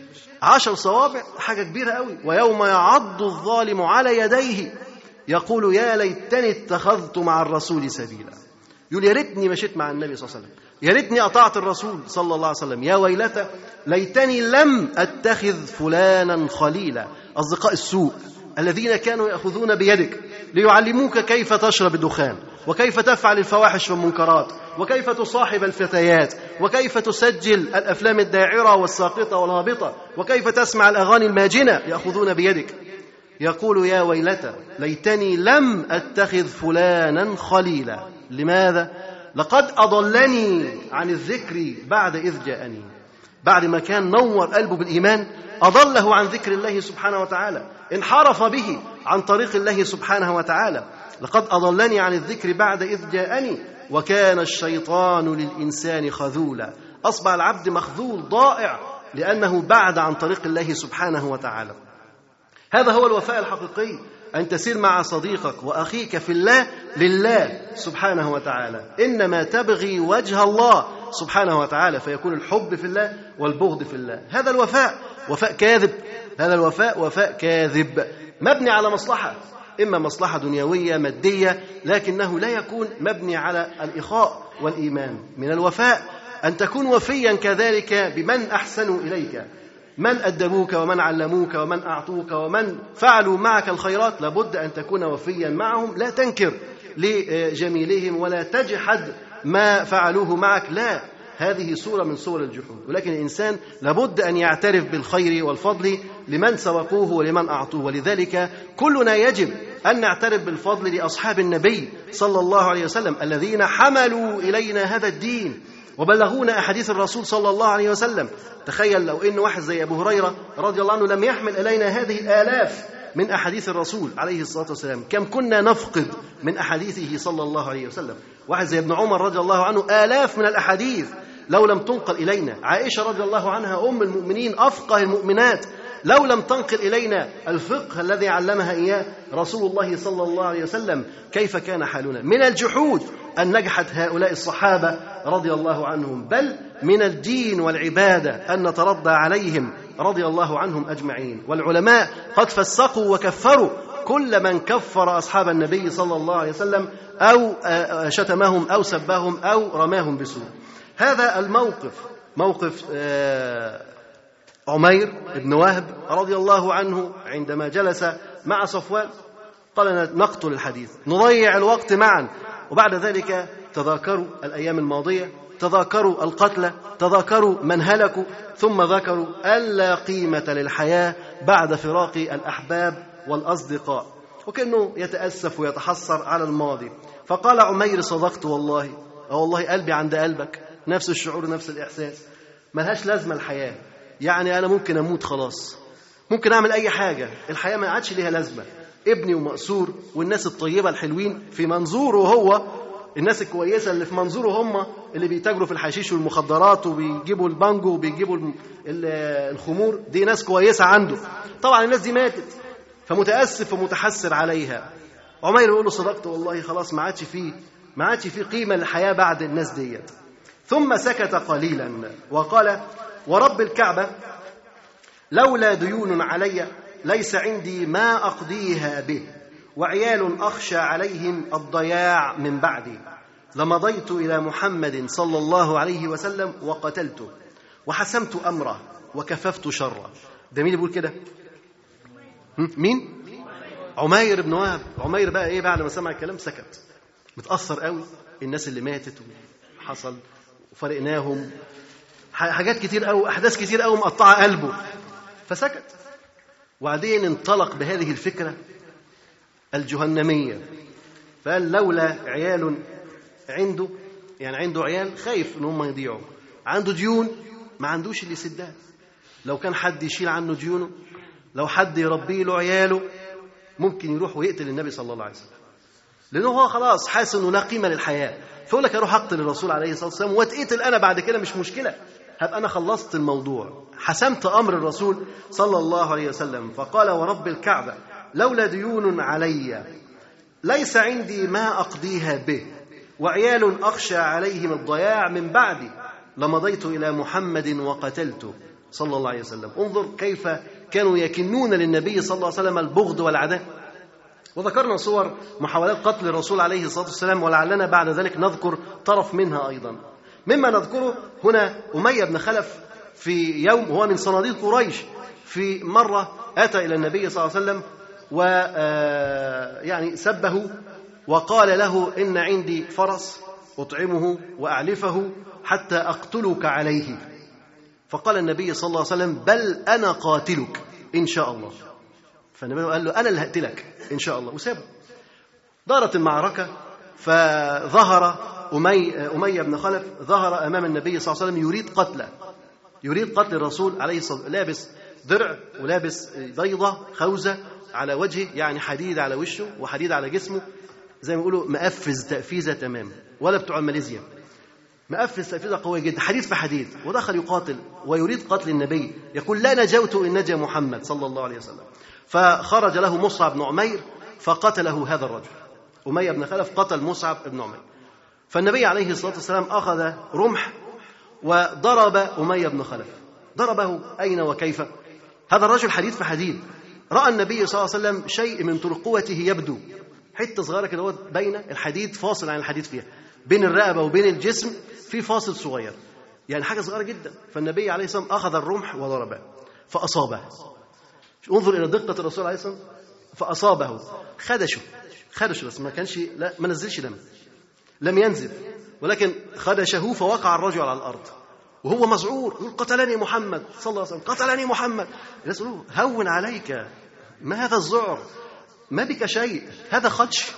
ده مش حاجة ده, ده, خدش ده خربوش ما جابش دم. قال لا قتلني محمد. يا ابني أنت لسه تلفيك الروح. يقول لك قتلني محمد. والله لو كان هذا في بني فلان لماتوا جميعا. يقول لك الخدش دوت لو كان في قبيلة هتموت. هتموت إزاي؟ يقولوا له هون عليك. قلبك يضيع قلبك من مما من هذا الخوف ومن هذا الذعر. يقول لهم لا والله قتلني محمد. قالوا والله ما بك من بأس. ما بك من بأس. قال لهم والله لو بصق علي لقتلني. قال لهم والله لو بصق علي لقتلني. مش لو خدشني؟ لا ده لو بصق علي في في الحرب دي لو بصق علي لقتلني. ومات فعلا بسبب هذا الخدش اليسير. خدش ما نزلش دم. انظر ولكنه يموت. لأن هذه هي بركة النبي صلى الله عليه وسلم. فقتله صلى الله عليه وسلم بهذا الخدش. آه ننظر هنا آه يعني نقطة صغيرة جدا من هذا الرجل. قال ورب الكعبة. لم يحلف بالكعبة. مش كده؟ لم يحلف بأبيه لم يحلف بجده لم يحلف بعظماء قريش لم يحلف بالذين ماتوا وقتلوا ولكنه يحلف بما؟ برب الكعبة رغم أنه مشرك. رغم أنه كافر وعلى الشرك يحلف برب الكعبة. أنت بتيجي تحلف بتحلف بإيه؟ بتحلف بأبوك وأمك والنبي وجدك وحياة عيالي. مش كده؟ ده اللي إحنا بنحلف بيه. يحلف وحياة أبوه وحياة أمه وحياة النبي وحياة مش عارف مين وحياة مين ويفضل يعدل. لا واللي غيرك بقى يقول لك وتربت وتربة مش عارف مين وتربة مين كمان بالتربة. يعني هي بالتربة أحياء وأموات مش سايب الحلف بالله. من كان منكم حالفا فليحلف بالله أو ليصمت. يا تحلف بالله يا تصمت يا تحلف بالله يا تسكت تحلف يكون حلفك بالله. وأما تحلف تكون صادق. لا تحلف كذب. وإنما تتحرى الصدق في حلفك وتحلف بالله. لا تحلف بغير الله. من حلف بغير الله فقد أشرك أو كفر. وكفارته أن يقول لا إله إلا الله. واحد متعود يقول والنبي والنبي متعود يقول كده طيب نسى وقال والنبي. نقول له أنت أشركت؟ أنت كفرت؟ لا هون عليك. قول له قل لا إله إلا الله. ذكره قل لا إله إلا الله. لا تحلف بالنبي لا تحلف بغير الله ولكن قل لا إله إلا الله. تذكره وتعلمه كيف يفعل فيحلف بالله سبحانه وتعالى. ثم أتبع يقول بصوت خافت. بعد ما قال الموضوع بتاعه ده قال له لما ضيت لمحمد وقتلته وحسمت أمره وكففت شره ثم خفض صوته وقال وإن في وجود ابني وهب لديهم ما يجعل ذهابي إلى يثرب أمرا لا يثير الشبهات. وطى صوته وبدأ يتكلم مع أمية مع صفوان بن أمية ويقول له وجود ابني هناك يخلي الموضوع ما فيهوش أي مشكلة. أنا رايح يثرب رايح ليه؟ محدش هيفكر أنا أقتل. أنا رايح عشان أطلع ابني من الحبس. وكأن الفكرة عجبته وإنه فعلا ممكن ينفذ الفكرة ديت.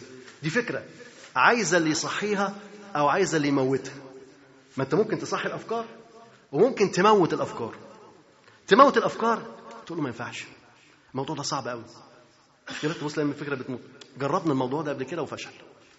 غيرك حاول كتير وما جابتش نتيجة مهما عملت مش هتنجح كل دي عبارات بتعمل إيه في الفكرة؟ بتنزلها بتكسرها. تخيل كده الفكرة دي شجرة فيها ورق.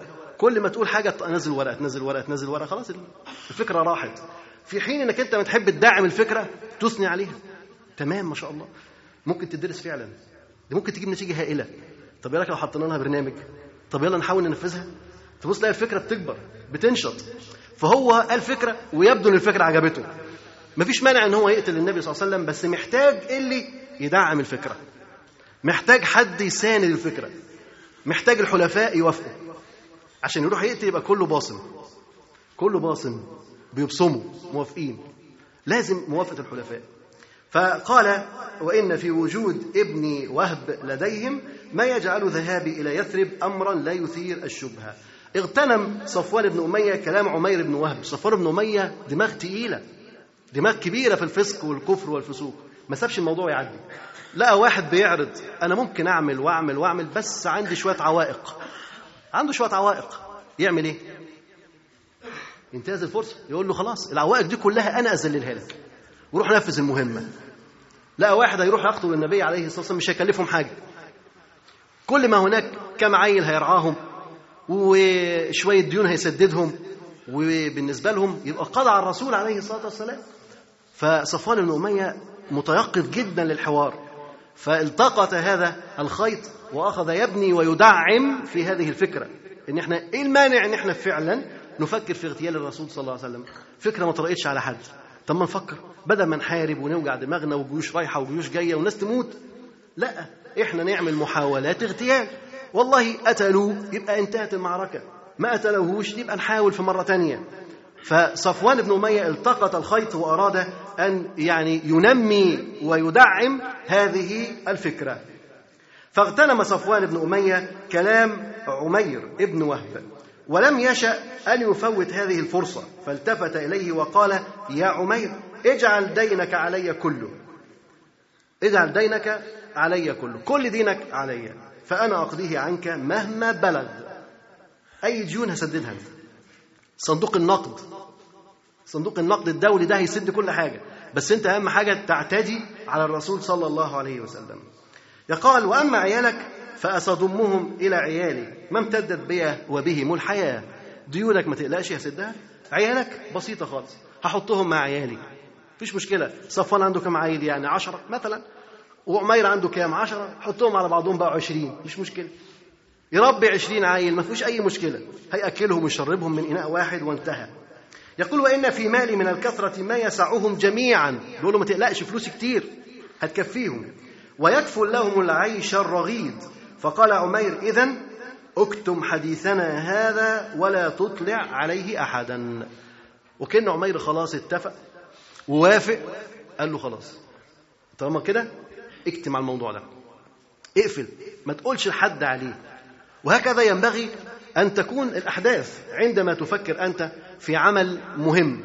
مهم بالنسبة لك. أي عمل منتج. مثلا أنت عايز تقرأ كتاب وتخلصه.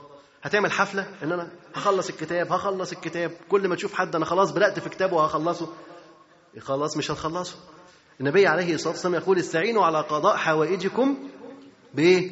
بالكتمان. فإن صاحب كل ذي نعمة محسود. فإن صاحب كل ذي نعمة محسود. فأنت إذا هممت بطاعة أو بأمر فيه مصلحة ومنفعة حاول أنك أنت تخطط له. يعني تضع أهدافه.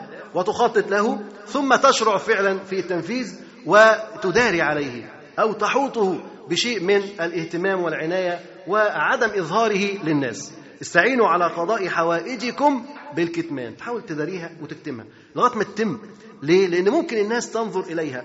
من الناس من يحب لك الخير فيقول لك ما شاء الله ربنا وفقك. ومنهم من لا يحب لك الخير يقول لك ياه هتعمل كل ده؟ يبقى خلاص وقعت أنت. مفيش ولا آية ولا حديث ولا حاجة تقراها. اداك عين ضيع الموضوع. والعين حق. يعني ممكن يبص لك ويقول كلمتين يضيع الموضوع. هتقول له بقى قول ما شاء الله ما خلاص نفد السهم. نفد السهم. بص البصة والشعاع خرج وانتهينا. فاذا استعين على قضاء حوائجكم بالكتمان. نداري أمورنا حتى تتم. طبعا واحد يقول لك يعني أنا أعمل كل حاجة في الديرة كده لا استشير. مش كل واحد يعمل مشروع يقوم جاي حاطه في دماغه ويعمله من غير ما يرجع لحد ولا يسأل حد. وبعدين نفاجئ بعد كده بانفجارات هنا وهنا وهنا. لا مش ده اللي اتفقنا عليه. نقول اولا اعرض مشروعك اعرض فكرتك على أولي الخبرة وأولي الرأي وأولي الفهم وبعد ما تستشيرهم ويتم الموافقة على أمرك وخط سيرك خلاص. داري بقى على مشروعك وابدأ اعمل المشروع ده. حتى ينجح. لكن انت من بدايته تحط المشروع من راسك من غير ما ترجع لحد من غير ما تستشير حد وبعد كده ننتظر النتائج ممكن تكون نتائج سلبية. وفي الآخر نقول لك ليه ما رجعتش لحد تسأله؟ فإذا من البداية لابد أن ترجع لمن تسأله وتأخذ برأيه وتسترشد بقوله ثم تضع لنفسك بعد وضوح الهدف خطة تسير عليها ثم تشرع في تنفيذ هذه الخطة وتتابع تنفيذ هذه الخطة مرحلة مرحلة. يعني مثلا نفترض أنت قلت أن أنا عايز أخلص كتاب في شهر. خلاص الكتاب ده كام صفحة؟ مثلا 200 صفحة أو 300 صفحة. خلاص 300 صفحة على شهر يعني كل يوم كام صفحة؟ 10 صفحات.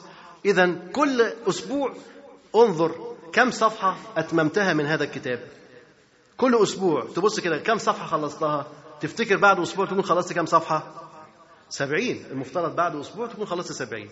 بعد أسبوعين تكون خلصت مثلا 140 أنت فعلا لو بتنتج الإنتاج ده يبقى أنت ماشي على الخطة اللي أنت وضعتها. يبقى أنت ماشي صح. لقيت نفسك قصرت. بدل ما 140 مثلا لقيتهم مثلا 100 بس. طب ننظر أين الخلل؟ يعني تقييم للموقف. إحنا متقدمين ولا متأخرين؟ أين الخلل؟ أبص ألاقي نفسي لا أنا ما قريتش كتير النهارده. لا نمت. لا ضيعت وقت. أبدأ أقوم. أعمل عملية تقويم. الحاجة الخطأ أشيلها. أحاول أعوضها. لقيت نفسي بنقرأ في وقت غير مناسب يبقى نغير الوقت بحيث إن أقرأ في وقت مناسب يسمح لي بالاستفادة بأكبر درجة ممكنة. إذا بعد التقييم نقوم عملنا ثم نشعر بهذه النتيجة المبهرة بعد قليل. الإنسان لما يخطط لعمله يجد ثمار لكن الإنسان لما لا يخطط للعمل لا يجد ثمار البتة. كأنه يدور هكذا كأنه يدور واحد عمال يدور حول الهدف. لا لا نريد هكذا. الهدف ينبغي أن يكون أمامك وأنت تذهب إليه. أو في قمة وأنت تصعد إليه. الهدف لابد يكون عالي حتى تستطيع الوصول إلى هذا الهدف بسهولة. فقال هنا أما عيالك فسأضمهم إلى عيالي ما امتدت بي وبهم الحياة وإن مالي لكثير ويكفل لهم العيش الرغيد. فقال عمير إذا اكتم حديثنا هذا ولا تطلع عليه أحدا. طبعا هو خايف خايف من إيه رغم أنه في مكة وفي وسط الكفار كلهم؟ يعني ما فيش عيون لكن هو خايف من انتقال الأخبار. يخاف من انتقال الأخبار وهذا معناه أن الرسول صلى الله عليه وسلم استطاع أن يخترق معسكر المشركين وأن يخترق مجتمع المشركين المشركين حتى أصبح له في كل مكان عيون تنقل له أخبار هذا المعسكر وأخبار المشركين وهم في بلادهم. وهذا ما شعر به عمير بن وهب. استشعر أنهم مخترقون وأن النبي صلى الله عليه وسلم من المحتمل أن يكون قد دس لهم عينا في هذا المكان تأتيه بأخبارهم. ولذلك تأكد أنه لا أحد معه غير صفوان.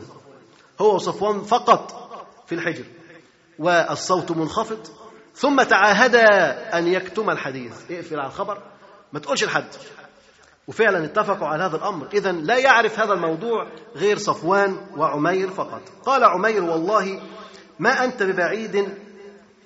قال صفوان قال عمير قام عمير من المسجد ونيران الحقد تتأجج في فؤاده على محمد صلى الله عليه وسلم. قال له أكتم الخبر. قام من المسجد وقلبه مليان غيظ وحقد على الرسول صلى الله عليه وسلم. وطفق يعد العدة لإنفاذ ما عزم عليه. فما كان يخشى ارتياب أحد في سفره. ذلك لأن ذوي الأسرى من القريشيين كانوا يترددون على يثرب سعيا وراء افتداء أسراه. بدأ يجهز العدة بتاعته يجهز الخيل أو الجمل اللي هيركبه يحط عليه أكله ومتاعه ومش مش مشغول بأن حد يقول له أنت رايح فين وجاي منين؟ لأنه يعلم أن جميع قريش تذهب إلى يثرب حتى يعني تفدي أسراها. وأمر عمير بن وهب بسيفه فشحذ وسقي سما. انظر حجم الغل والغيظ والحقد في قلب هذا الرجل للنبي صلى الله عليه وسلم. يعني لا يكتفي بأن يطعنه بالسيف ولا أن يضربه بالسيف ولكن يسقي السيف سما بحيث أن السيف بأقل جرح يحدثه في النبي عليه السلام يقتله. يعني لا يشترط أن يعني يدخل السيف هكذا لا. ده أقل جرح يصيب السم جسد الرسول صلى الله عليه وسلم فيقتله. هذا يدل على حقده الدفين للرسول صلى الله عليه وسلم فسقى سيفه سما ودعا براحلته فأعدت وقدمت له فامتطى متنها. جهز ركب على الراحلة ومشى متجها إلى يثرب ويمم وجهه شطر المدينة وملء برديه الضغينة والشر. ملء برديه يعني صدره يتأجج ضغينة وشر للنبي صلى الله عليه وسلم. بلغ عمير المدينة ومضى نحو المسجد يريد رسول الله صلى الله عليه وسلم. فلما غدا قريبا من بابه أناخ راحلته ونزل عنها. أول ما اقترب من المسجد أناخ الراحلة ونزل من الراحلة وأراد أن يتوجه إلى النبي صلى الله عليه وسلم. وكان عمر بن الخطاب رضي الله عنه إذ ذاك جالسا مع بعض الصحابة قريبا من باب المسجد. يتذاكرون بدرا. برضو الصحابة كانوا قاعدين إيه؟ يتذاكروا بدر. لكن يتذاكروا بدر بقى بمفاخرها. إحنا قتلنا فلان يقول التاني يقول له شفت لما قتلت فلان وقع الجندل إزاي؟ شفت لما رقبته طارت؟ شفت لما ايده طارت؟ يفضل يتكلموا على الاحداث اللي حصلت يوم بدر والقليب واللي اترموا في القليب. يقول وما خلفته وراءها من أسرى قريش وقتلاهم ويستعيدون صور بطولات المسلمين من المهاجرين والأنصار. يعني يذكروا يعني المواقف البطولية لكل واحد. يقولوا شايف فلان عمل إيه فلان عمل إيه فلان عمل يتذكرون. ما أكرمهم وما أكرمهم الله به من النصر وما أراهم في عدوهم من النكاية والخذلان. فحانت من عمر التفاتة فرأى عمير بن وهب ينزل عن راحلته. وهما بيتكلموا ويت... بي... يعني في هذا الموضوع عمر بيبص كده ناحية الباب بص الامين عمير بن وهب داخل. فنظر إليه فعرف في عينه الشر. أول ما شافه كده قال لك ده مش ممكن يكون جاي سالم كده ده جاي في شر لأنه يعلم عداوته للنبي صلى الله عليه وسلم. ويعلم أن عمير بن وهب هو الذي كان عينا للمشركين يوم بدر. عمير بن وهب هذا دفعه المشركون ليستطلع قوة المسلمين يوم بدر. فذهب ونظر إليهم فأتى بالعدد. قال القوم ما بين ثلاثمائة. قوم ثلاثمائة يزيدون قليلا يقلون قليلا. رجل قمة في الإحصاء دقة في الإحصاء. فعلا العدد كان 300 ويزيدوا حاجة بسيطة. من غير بقى ما يعدهم واحد واحد إحنا قلنا الواحد النهارده عد يفضل يعد كده الصف الأول وبعدين يتلخبط يعد تاني ويتلخبط يعد تاني. مش هيخلص. هذا بنظرة واحدة استطاع أن يحصر عدد المسلمين ويذهب ويقول القوم 300 يزيدون قليلا يقلون قليلا. فكان عين للمشركين على المسلمين. عمر بن الخطاب أول ما شافه تذكر الماضي ده كله وتذكر الشر الذي في عينيه. ورأى هذا الرجل يمضي نحو المسجد متوشحا سيفه فهب مذعورا. لقاه رافع ماسك سيفه وماشي بيه. ماسك سيفه وانت جاي تاخد ابنك جايب السيف معاك ليه؟ فلا متوشح السيف يعني ماسك سيفه معاه وداخل بيه على الرسول صلى الله عليه وسلم فجري على طول على عمير بن وهب لينظر ماذا به. فقال لما رآه قال لأصحابه هذا الكلب عدو الله عمير بن وهب. قال هذا الكلب عدو الله عمير بن وهب. كان لسه طبعا على الكفر قال هذا عدو الله. فجري نحوه فقال والله ما جاء إلا لشر لقد ألب المشركين علينا في مكة. وكان عينا لهم علينا قبيل بدر. يعني في بدر كان عين علينا وهو كان بيقلب المشركين علينا في مكة. ثم قال لجلسائه امضوا إلى رسول الله صلى الله عليه وسلم وكونوا حوله. انظر كيف دفاعك عن النبي صلى الله عليه وسلم. بما يستطيع. قال لأصحابه امضوا اذهبوا والتفوا حول الرسول عليه الصلاة والسلام. عمر فهم أن هذا الرجل ممكن يحدث شيء. فقال لأصحابه اذهبوا والتفوا حول الرسول عليه الصلاة والسلام وكونوا حوله وخذوا حذركم واحذروا أن يغدر به هذا الخبيث الماكر. خلي بالكم لحسن يعمل غدرة ويضرب النبي عليه الصلاة على حين غرة. فانتبهوا لغدره. ثم بادر عمر إلى النبي عليه الصلاة والسلام وقال يا رسول الله هذا عدو الله عمير بن وهب. قد جاء متوشحا سيفه وما أظنه إلا يريد شرا. هذه فراسة عمر. فراسة عمر رضي الله عنه مجرد نظر في عينه استطاع أن يميز هذا الرجل أراد خير أم أراد الشر. فذهب إلى النبي عليه الصلاة والسلام وأخبره أن هذا الرجل في عينيه الشر ويريد الشر. فقال عليه قال عليه الصلاة والسلام أدخله علي. دخله. يعني هذا الرجل يريد شر؟ لا بأس. دخله على النبي. والله يعصمك من الناس. لا أحد يستطيع أن يضر النبي صلى الله عليه وسلم. فقال عليه الصلاة والسلام أدخله علي. فأقبل الفاروق على عمير بن وهب وأخذ بتلابيبه. وأخذ بتلابيبه. يعني أخذ بتلابيبه؟ ها يعني أيون شده كده من عند رقبته كده بهدومه من عند الياء شده كده وقعد يجره. أخذه شده من تلابيبه وجره نحو النبي صلى الله عليه وسلم. يقول وأخذ بتلابيبه وطوق عنقه بحمالة سيفه. طوق عنقه بحمالة سيفه يعني هو حاطط السيف على الكتف وفي حبل فأخذ الحبل مع مع ثوبه وضمه هكذا وأخذ يجذبه إلى النبي صلى الله عليه وسلم. ومضى به نحو النبي صلى الله عليه وسلم. قاعد يجره كده كما يجر الرجل البهيمة. قاعد يجره هكذا.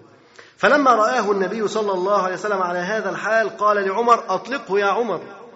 صعب عليه. النبي صلى الله عليه وسلم شافه كده بالحال ده بائس خلاص الرجل من مسكة واحدة من عمر الخطاب جاله انهيار عصبي. خلاص عمر الخطاب مسكه كده ده مش هيلحق لا يمسك سيف ولا يضرب بالسيف. فقال له النبي عليه الصلاة والسلام أطلقه يا عمر. فأطلقه ثم قال استأخر عنه. طبعا الراجل إيه؟ الراجل برضه خايف. والوجل عليه الاضطراب واضح عليه. فالنبي صلى الله عليه وسلم رأى في وجهه الخوف والإضطراب والقلق. فقال لعمر استأخر عنه. يعني بيؤمن الرجل. قال استأخر عنه. فاستأخر. فتأخر عنه. شوف عمر الخطاب رغم أنه كان حريص على النبي عليه الصلاة والسلام ورغم أنه كان يعلم أن هذا الرجل يريد الشر بالرسول عليه الصلاة والسلام لكنه لا يستطيع أن يعصي أمرا للنبي صلى الله عليه وسلم. النبي يقول له ارجع يرجع. ما يقولوش ده هيقتلك. النبي عليه الصلاة قال له ارجع. يبقى يرجع ولا يقاوح فيها؟ يقول لا أصلا دي وجهة نظر. لا أصل أنا شايف الشر في عينيه. الرسول عليه الصلاة والسلام قال له ارجع استأخر عنه. فاستأخر مباشرة. انظر إلى السمع والطاعة والانضباط والالتزام مع رؤية عمر. شايف إن الشر في عيني والسم والسيف على كتفه وإن هذا الرجل يعني أراد شر بالمسلمين قبل ذلك وفعل وفعل. لكنه يسمع ويطيع لأمر النبي صلى الله عليه وسلم. اطلقه يا عمر فأطلقه. استأخر عنه فاستأخر عنه مباشرة دون مناقشة وبدون جدال. فتأخر عنه انظر تخيل لو إن عمر واقف في جدل النبي صلى الله عليه وسلم قدام هذا العدو. قول له لا مش هسيبه ده ناوي يقتلك. الناس هذا العدو يدرك أن أصحاب الرسول صلى الله عليه وسلم لا يقدرونه ولا يسمعون أمره. كانت تبقى سلبية ولا إيجابية؟ كانت تبقى سلبية. لكن لما يروا هذا الانقياد وهذا الالتزام النبي عليه الصلاة والسلام يقول له أطلقه يقوم جاي سايبه يقول له استأخر عنه يقوم جاي متأخر عنه. يقول لك إيه ده؟ إيه الالتزام ده؟ يعني لو قال اقتلوا هيقتلوا. خلاص يبقى هم فهموا إن الأمر بيتنفذ فورا بمجرد قوله يتم التنفيذ. يدب الرعب في قلوبهم. يعلمون أن هذا المجتمع مجتمع منتظم. مجتمع يعمل ويسمع ويطيع لأمر قائده ولأمر نبيه صلى الله عليه وسلم فتأخر عنه. ثم توجه الرسول صلى الله عليه وسلم إلى عمير بن وهب وقال أذن يا عمير. النبي صلى الله عليه وسلم إدى وشه لعمير وقال له عمير أذن قرب قرب يا عمير. أذن يا عمير. فدنا. وقال أنعم صباحا. ده مين بيسلم على مين؟ عمير. بيسلم على النبي عليه الصلاة والسلام بيقول له برضه أنعم صباحا. نفس التحية هو متعود عليها. قال أنعم صباحا وهي تحية العرب طبعا في الجاهلية. فقال رسول الله صلى الله عليه وسلم لقد أكرمنا الله بتحية خير من تحيتك يا عمير. ربنا أكرمنا بتحية أحسن من التحية اللي أنت بتقول بيها ديت. لقد أكرمنا الله بالسلام وهو تحية أهل الجنة. يعني هذا السلام هو تحية أهل الجنة. فقال عمير والله ما أنت ببعيد عن تحيتنا. عمير بقى بيتكلم إيه؟ ده أدب ولا سوء أدب؟ تفتكر ده أدب ولا سوء أدب؟ عمير بيقول والله ما أنت ببعيد عن تحيتنا ده سوء أدب. بقول له أنت كنت لسه مشرك امبارح. إحنا كنا مع بعضنا امبارح في قريش. جهله مع بعضنا. أنت لسه النهارده بتقول دي تحية جديدة وتحية قديمة. التحيه لسه التحيه بتاعتك دي جديدة لنج أنت التحية بتاعتنا دي قديمة فيها أصالة. فيقول له يعني ما أنت ببعيد عن تحيتنا. يعني انت نسيت العهد القديم؟ نسيت ان إحنا كنا في قريش مع بعضنا و... والكعبة والأصنام اللي فيها و... هل نسيت هذا التاريخ؟ وطبعا لا شك إن دوت طبعا كلام يعني غير مناسب مع الرسول صلى الله عليه وسلم. قال ما أنت ببعيد عن تحيتنا وإنك بها لحديث عهد. وإنك بها لحديث عهد. يعني لسه التحيه الجديده دي؟ لسه إيه؟ لسه جديدة؟ وإنت فارقتنا قريب. حديث عهد يعني لسه سايبها قريب. ما بالكش حاجة. يعني أنت ليس لك وقت طويل وليس لك عمر طويل في هذا في هذا الدين ولا في هذه الديانة الجديدة ولكنك حديث عهد بالدين الجديد وحديث عهد أيضا بترك هذه التحية القديمة. فقال له الرسول صلى الله عليه وسلم وما الذي جاء بك يا عمير؟ النبي صلى الله عليه وسلم ما دخلش معاه في حوار بقى. يقول له لا دي تحيتنا أحسن. تاني يقول لك لا تحيتنا أحسن. كان ممكن يقول له كذلك كنا من قبل كذلك كنتم من قبل فمن الله؟ لا ما قالش. ما عادش يناقش ويجادل بقى ويقول له إحنا وكنا لا. النبي وسلم ترك القضية ديت مش دي قضيتنا. مش قضيتنا هنسلم إزاي ونعمل إزاي مش ده وقته مش الكلام في الموضوع ده دلوقتي. الموضوع أنت جاي ليه؟ لماذا أتيت؟ فقال صلى الله عليه وسلم وما الذي جاء بك يا عمير؟ قال جئت أرجو فكاك هذا الأسير الذي في أيديكم فأحسنوا إلي فيه. جيت عايز افك الاسير. ابني فاحسنوا إلي. يعني ما تاخدوش مني فديه جامدة. سيبهولي وارحموا ضعفي وفقري وأنا عندي عيال كتير وعليا ديون. فيعني على قد ما تقدروا سيبوا لي فيه. تصدقوا علي فقالوا أحسنوا إلي في فكاك هذا الأسير. فقال النبي صلى الله عليه وسلم فما بال السيف الذي في عنقك؟ والسيف اللي في رقبتك ده إيه حكايته؟ أنت جاي تفك الأسير. إيه لازمة السيف؟ هو خلاص الأسير مربوط بحبال وانت جاي تقطعها؟ إيه السيف اللي جاي في رقبتك ده؟ إيه حكايته؟ ما موضوع هذا السيف؟ فما بال السيف الذي في عنقك؟ فقال عمير قبحها الله من سيوف. قبحها الله من سيوف. جابت لنا إيه؟ قاعد يشتم السيوف. والله يخرب بيت السيوف. جابت لنا إيه السيوف؟ قبحها الله من سيوف. وهل أغنت عنا شيئا يوم بدر؟ عملت إيه؟ السيوف كانت على كتافنا وموتنا. السيوف كانت في إيدينا والصالحين منهم ماتوا. طبعا بيتكلم بقى إن في ناس عنده كانوا صالحين ويقول لك الناس الحلوة اللي عندنا ماتوا. بالسيوف. عملت لنا إيه السيوف دي؟ ملهاش قيمة خلاص. السلام الدائم. جاي يبحث عن سلام أبدي. عايز يدور بقى على حياة لا حرب فيها. بقول عملت لنا إيه السيوف؟ خلاص. الحروب ما فيهاش نتيجة. خلينا في السلم. والأرض مقابل السلام ومش عارف إيه ونبدأ نتحاور مع بعضينا. فقال وهل أغنت عنا شيئا يوم بدر؟ جابت لنا إيه؟ قال الرسول صلى الله عليه وسلم اصدقني ما الذي جئت له يا عمير؟ تكلم صدق. أنت جاي ليه؟ طبعا جاي للولد. فك الأسير. لكن النبي عليه الصلاة والسلام يدرك أن وراء هذه الزيارة شيء آخر. فقال صلى الله عليه وسلم اصدقني ما الذي جئت له يا عمير؟ كلم أنت بدل ما اتكلم أنا. قال ما جئت إلا لذاك. أنا جاي عشان أطلع الولد من من الأسر. جاي افكه قال عليه الصلاة والسلام بل قعدت أنت وصفوان بن أمية عند الحجر. النبي صلى بيحكي له بقى اللي حصل. قال له لا أنت مش جاي عشان تفك ابنك. أنت جاي علشان قعدت أنت وصفوان بن أمية عند الحجر. فتذكرتما أصحاب القليل من صرع قريش. ثم قلت لولا دين علي وعيال عندي لخرجت حتى أقتل محمدا صلى الله عليه وسلم. فتحمل لك صفوان بن أمية دينك وعيالك على أن تقتلني. والله حائل بينك وبين ذلك. وانت مش راح تقدر تعمل كده. يأسوا النبي صلى الله عليه وسلم يأسوا يعني قال له اللي حصل. قال له انت قعدت انت وصفوان واميه في الحجر وقلت وقلت وقال وقال بالنص. من الذي نقل إلى النبي صلى الله عليه وسلم هذا الخبر؟ صفوان آه، عمير بن وهب ذهل لأنه متفق مع صفوان اكتم الموضوع. خبي ما حدش يقول حاجة. الموضوع سر بيننا وبين بعضينا. اتنين بس اللي عارفينه. من الذي أخبر النبي صلى الله عليه وسلم؟ ثم يحكي له النبي ما دار قلت قلت قلت قلت. وانت فكرك هتقتلني؟ لا. والله حائل بينك وبين ذلك. يعني مش راح تقدر.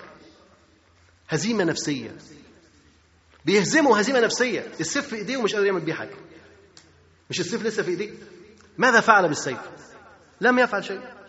هزم هزيمة نفسية قوية عندما سمع هذا الخبر من الرسول صلى الله عليه وسلم ثم سمع هذا الخبر الذي فيه استحالة قتله. قال والله حائل بينك وبين ذلك. مش رح تقدر تعمل كده. فذهل عمير لحظة. دهش. يعني واقف ساكت كده اهو. مسبهل قاعد يفكر. بقه مفتوح. الكلام ده جه منين؟ عمال يفكر كده مين مين ممكن يكون بلغ؟ عيون مين دي اللي جابت الخبر بالنص؟ ما حدش كان سامعنا كنا بعيد في الحجر ما حدش سامع وما حدش شايف الخبر سري للغاية يعني جواب مكتوب عليه سري جدا مين فتحه؟ مين أخذ أخباره؟ يستغرب من هذا الذي حدث ثم ما لبث أن قال أشهد أنك لرسول الله لماذا؟ لأنه أدرك أن هذا لا يمكن أن يكون إلا بخبر السماء مش ممكن يكون حد نقله للرسول صلى الله عليه وسلم كده. لا ده وحي. هذا خبر السماء قد أتى إلى النبي صلى الله عليه وسلم. ثم أردف فيقول لقد كنا يا رسول الله نكذبك بما كنت تأتينا به من خبر السماء. وما ينزل عليك من الوحي لكن خبري مع صفوان بن أمية لم يعلم به أحد إلا أنا وهو. يعني بقول له إحنا كنا قبل كده بنكذبك. تقول لنا في وحي بينزل من السماء؟ كناش مصدقين. لكن الخبر ده ده حصل بيني وبين صفوان فقط. لا أحد يسمعه ولا أحد يراه. فمن الذي أخبرك به؟ الآن أيقن أن الوحي هو الذي أخبره وهو الذي نقل الخبر إلى النبي صلى الله عليه وسلم. قال ووالله لقد أيقنت أنه ما أتاك به إلا الله. قال والله ما أتاك به إلا الله. فحمد الله فحمدا لله الذي ساقني إليك سوقا. ليهديني إلى الإسلام. حمد الله عز وجل. والحمد لله إن ربنا جابني إليك. سبحان الله. الانسان لما ينظر يفكر المقادير وإزاي إن الكون ده كله مدبر وإن كل شيء بحكمة إن ربنا سبحانه وتعالى يقدر ان يقعد عمير بن وهب مع صفوان بن أمية في الحجر في الدرة محدش يسمع حاجة. يتفقوا على قضية. وعمير يبقى شجاع فيها ويعمل بطل. ويقول أنا أروح أقتله. ويمشي فعلا ويجهز الراحلة ويوصل للنبي صلى الله عليه وسلم ويجهز سيفه ويحط فيه السم ويدخل على عمر وعمر يمسكه وما يقتلهوش ويسيبه ويدخل على الرسول عليه الصلاة والسلام ويحصل الحوار ده بينه وبين النبي صلى الله عليه وسلم ثم يسلم. فعلا لقد سيق سوقا إلى النبي صلى الله عليه وسلم. تنظر كده ما كان له حيلة. هو يفكر ويدبر ويخطط ويبحث في أمور تانية. ده بيفكر في قتل الرسول عليه الصلاة والسلام. هذا هو ما يريد وهذه هي إرادته. لكن الله عز وجل رحيم بعباده. وإرادة الرب أعظم من إرادة العبد. فأراد الله عز وجل لقلبه أن يولد من جديد. ولذلك ساقه إلى النبي صلى الله عليه وسلم فشهد أن لا إله إلا الله وأن محمدا رسول الله. نكتفي إن شاء الله بهذا القدر ونستكمل مشيئه الله الأسبوع القادم. وسبحانك اللهم وبحمدك أشهد أن لا إله إلا أنت أستغفرك وأتوب إليك. والسلام عليكم ورحمة الله وبركاته. جزى الله فضيلة الشيخ خير الجزاء. ونفعنا وإياكم بما سمعنا من العلم ورزقنا وإياكم العمل به. ونسأل الله جل وعلا أن يرفع مكانة الشيخ في المهديين. وأن يجعله علما من أعلام الهدى والدين. ولا تنسونا وتنسوا الشيخ من دعوة صادقة بظهر الغيب. وختاما تقبلوا تحيات إخوانكم في تسجيلات السلف الصالح بالإسكندرية. هاتف رقم صفر ثلاثة فاصل أربعة تسعة أربعة سبعة ستة خمسة اثنان. وتليفون محمول صفر عشرة واحد ستة أربعة واحد تسعة ثمانية صفر. والسلام عليكم ورحمة الله وبركاته.